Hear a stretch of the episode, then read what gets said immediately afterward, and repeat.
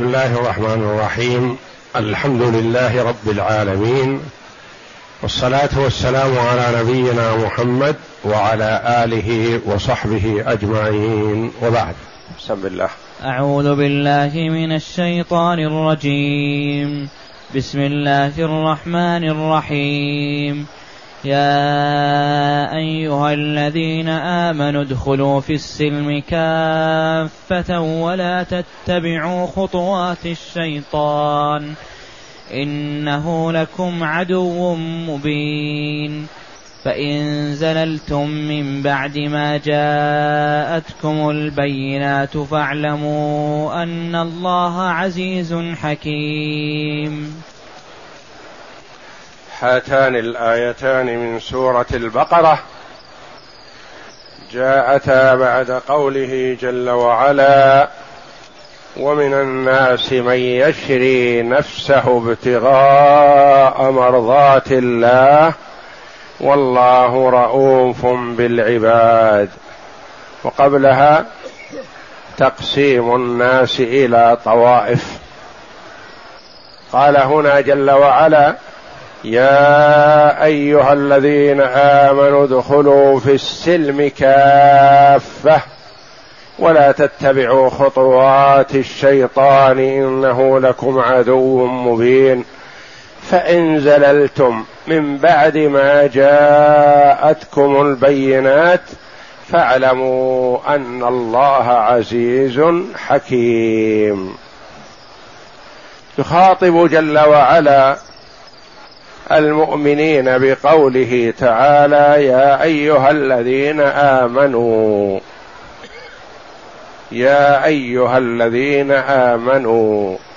يقول عبد الله بن مسعود رضي الله عنه إذا سمعت الله يقول يا أيها الذين آمنوا فأرعها سمعك فإنه إما خير تؤمر به أو شر تنهى عنه وحري بالعاقل إذا خاطبه الله جل وعلا بهذا الخطاب أن ينتبه لما أمر به أو نهي عنه.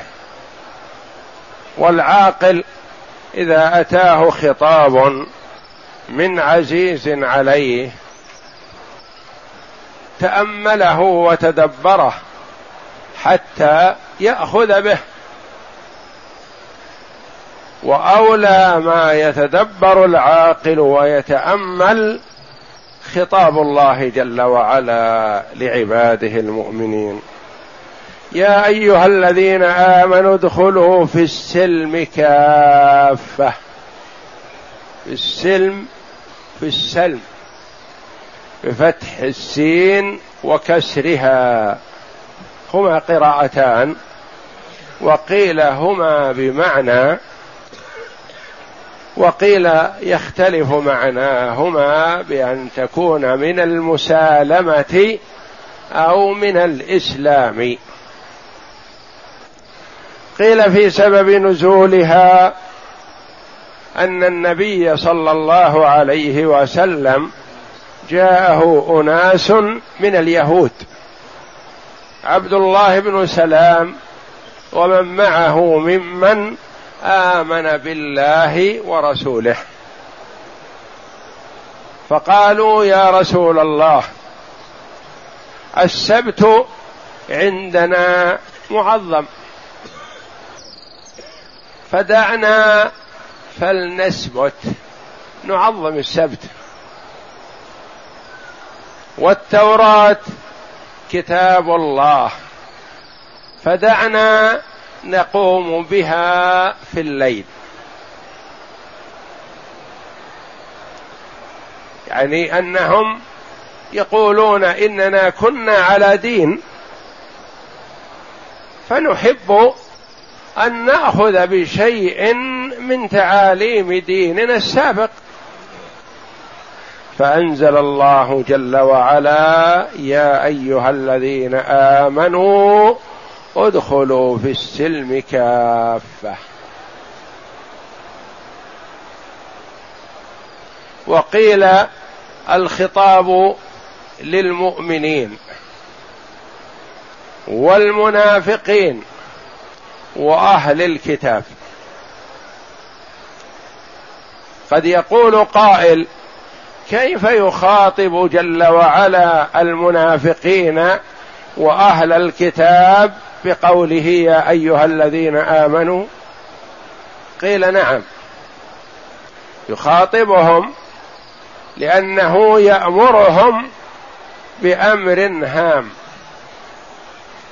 وأهل الكتاب يؤمنون بالله.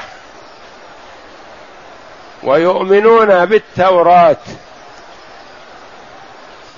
اليهود ويؤمنون بالإنجيل النصارى فهم عندهم شيء من الإيمان. والمنافقون يظهرون الإسلام والإيمان ظاهرا ويبطنون الكفر. فهؤلاء المنافقون قيل لهم يا من آمن بلسانه ولم يؤمن بقلبه. وقيل لليهود والنصارى يا من آمن بالله ولم يؤمن بمحمد صلى الله عليه وسلم. وقيل للمؤمنين الذين آمنوا بالله ورسوله يا أيها الذين آمنوا يا أيها الذين آمنوا ادخلوا في السلم كافة. كافة توكيد. وحال حال وليس بتأكيد. كافة حال. وهل هي حال من الإسلام؟ يعني ادخلوا في السلم الذي هو الإسلام جميعا بجميع شرائعه وتعليماته ومراتبه. لا تؤمنوا بشيء وتتركوا شيئا. أو ادخلوا في السلم كافة. يعني كلكم جميعا أنتم ادخلوا في الإسلام ولا يتخلف أحد. لأنه تبين لكم الأمر أن الحق في الإسلام. يا أيها الذين آمنوا ادخلوا في السلم يعني ادخلوا في الإسلام كلكم جميعا لا يتخلف أحد. أو ادخلوا في الإسلام خذوا بجميع شرائعه ومراتبه. لا تتركوا شيئا منها لأن من أهل الكتاب من أراد أن يستثني شيئا وممن أسلم أراد أن يستثني شيئا كما جاء أن شخص قال للنبي صلى الله عليه وسلم أريد أن أسلم لكن أريد أن ترخص لي في الزنا. أريد الزنا. فهل يصح أن يقول أدخل في الإسلام وأستثني الزنا؟ لا. والنبي صلى الله عليه وسلم قنعه في هذا وقال له أتحب أن تزني أمك؟ قال لا. قال فكذلك الناس لا يحبون أن تزني بأمهاتهم. أتحب أن تزني بنتك؟ أتحب أن تزني أختك؟ فكذلك الناس. أتحب أن تزني زوجتك؟ فكذلك الناس. فاقتنع ودخل في الإسلام بمراتبه كلها. يا أيها الذين آمنوا ادخلوا في السلم كافة يعني جميعا أو كافة بمعنى بجميع مراتبه وتعليماته لا تتركوا منها شيئا ولا تكونوا ممن آمن ببعض وكفر ببعض. فهؤلاء كفار حقا وليسوا بمؤمنين. ولا تتبعوا خطوات الشيطان. لا تطيعوا الشيطان في شيء ما. فمن أطاع الشيطان فقد اتبع خطواته يعني سار على نهجه سار خلفه وأطاعه. فمن اتبع شيئا أو أخذ بشيء من تعاليم ومن أوامر الشيطان فكأنه سار بعد الشيطان خطوة خطوة. ولا تتبعوا خطوات الشيطان جمع خطوة. إنه لكم عدو مبين. يخبرنا جل وعلا وهو أصدق القائلين بأن الشيطان لنا عدو. فهل يليق بالعاقل أن يطيعه؟ وقد أخبره الله جل وعلا عن عداوته. بالله عليك أخي لو أن غلاما من جيرانك قال لك إني سمعت فلانا يسبك ويذكرك بالسوء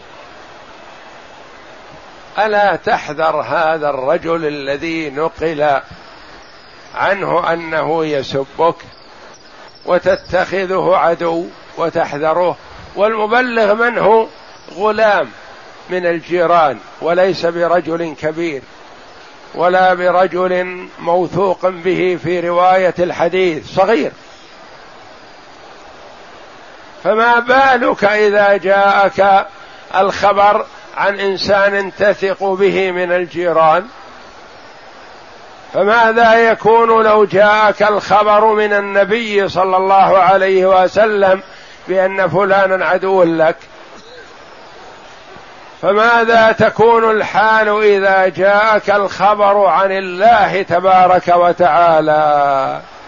فالله جل وعلا يؤكد لنا بأن الشيطان عدو لنا فهل يشك عاقل في عداوته بعد هذا؟ وهو عليه لعنة الله. أقسم بعزة الله ليغوين بني آدم أجمعين إلا من استثنى الله. حريص كل الحرص على إغوائهم ليكونوا معه من أصحاب السعير. فحري بالعاقل وقد جاءه الخبر من الله جل وعلا بأن الشيطان عدو ألا يثق به في شيء ما.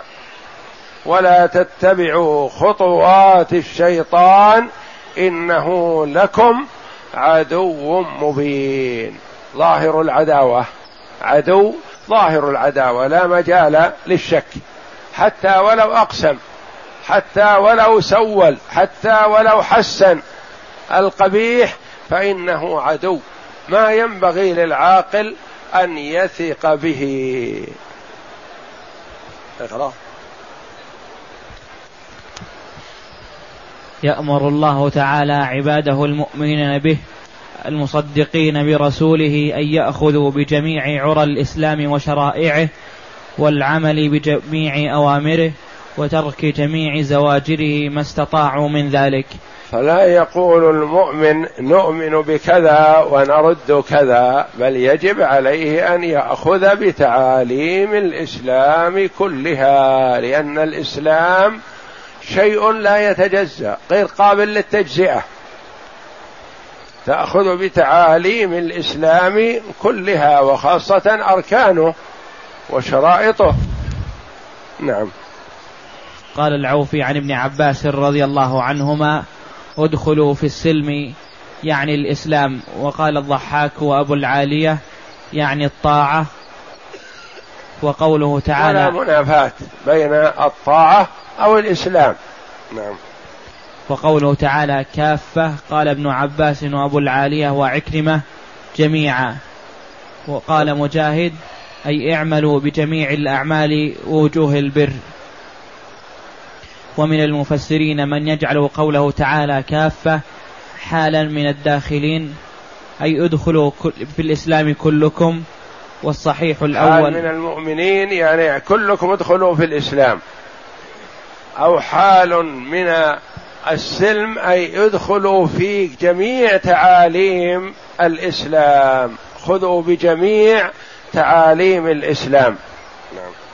والصحيح الأول وهو أنهم أمروا كلهم أن يعملوا بجميع شعب الإيمان وشرائع الإسلام وهي كثيرة جدا ما استطاعوا منها.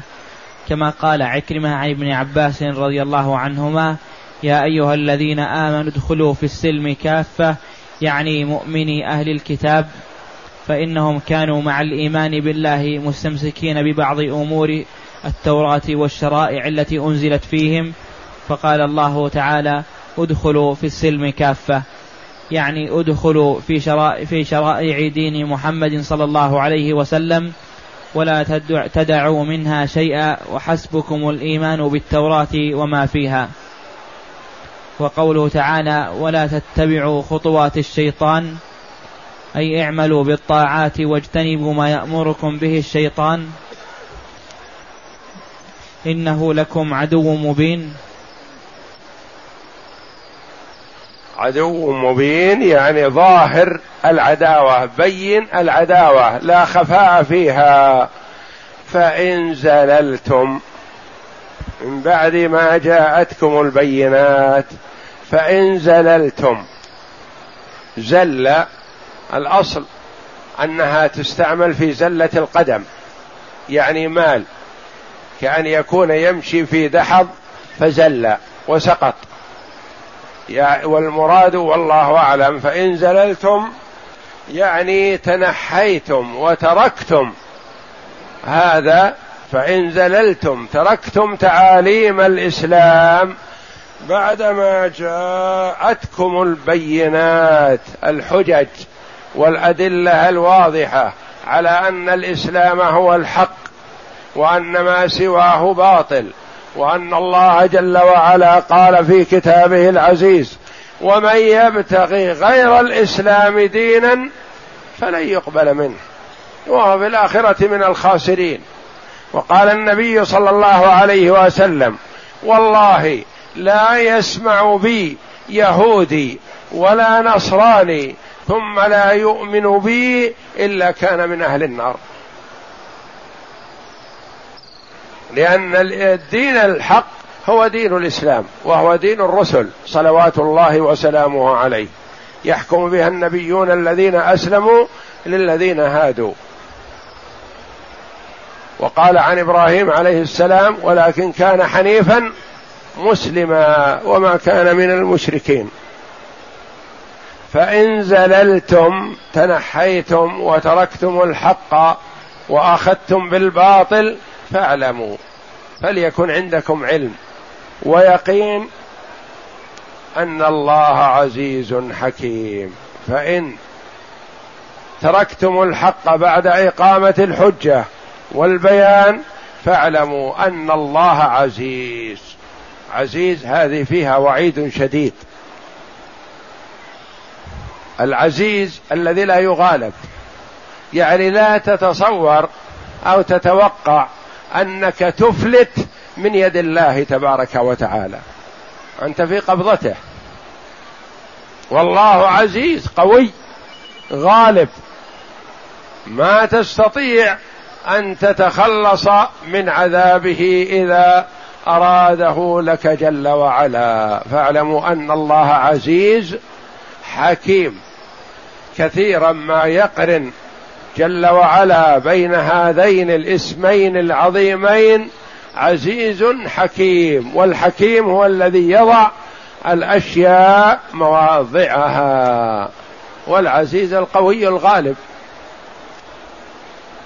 وفي المخلوقين قد يكون الرجل عزيز قوي ومتسلط ولا يرد له أمر. لكنه ليس بحكيم. يعاقب من لا يستحق العقوبة ويكافئ من يستحق العقوبة ويكرم من لا يستحق الإكرام ويهين من يستحق الإكرام لأنه ليس بحكيم. وقد يكون المرء في الدنيا حكيم يعني عنده شيء من الحكمة والمعرفة والبصيرة. يضع الأشياء مواضعها لكن لا بيده حول ولا قوة. ما بيده من الأمر شيء ليس بعزيز. يتسلط عليه أدنى وأقل متسلط. فالله جمع جل وعلا بين هذين الاسمين العظيمين لأن لكل اسم معنى عزيز حكيم. واجتماعهما فيه معنى عظيم. أنه مع عزته جل وعلا حكيم. يعني ما تخشى أن يظلمك جل وعلا لأنه يضع الشيء موضعه. عزيز حكيم. حكيم يضع الشيء موضعه وعنده القدرة الكاملة والعزة والغلبة جل وعلا. وهذا فيه وعيد شديد لمن خالف أمر الله جل وعلا. وفيه تأمين وإيناس لمن أطاع أمر الله جل وعلا.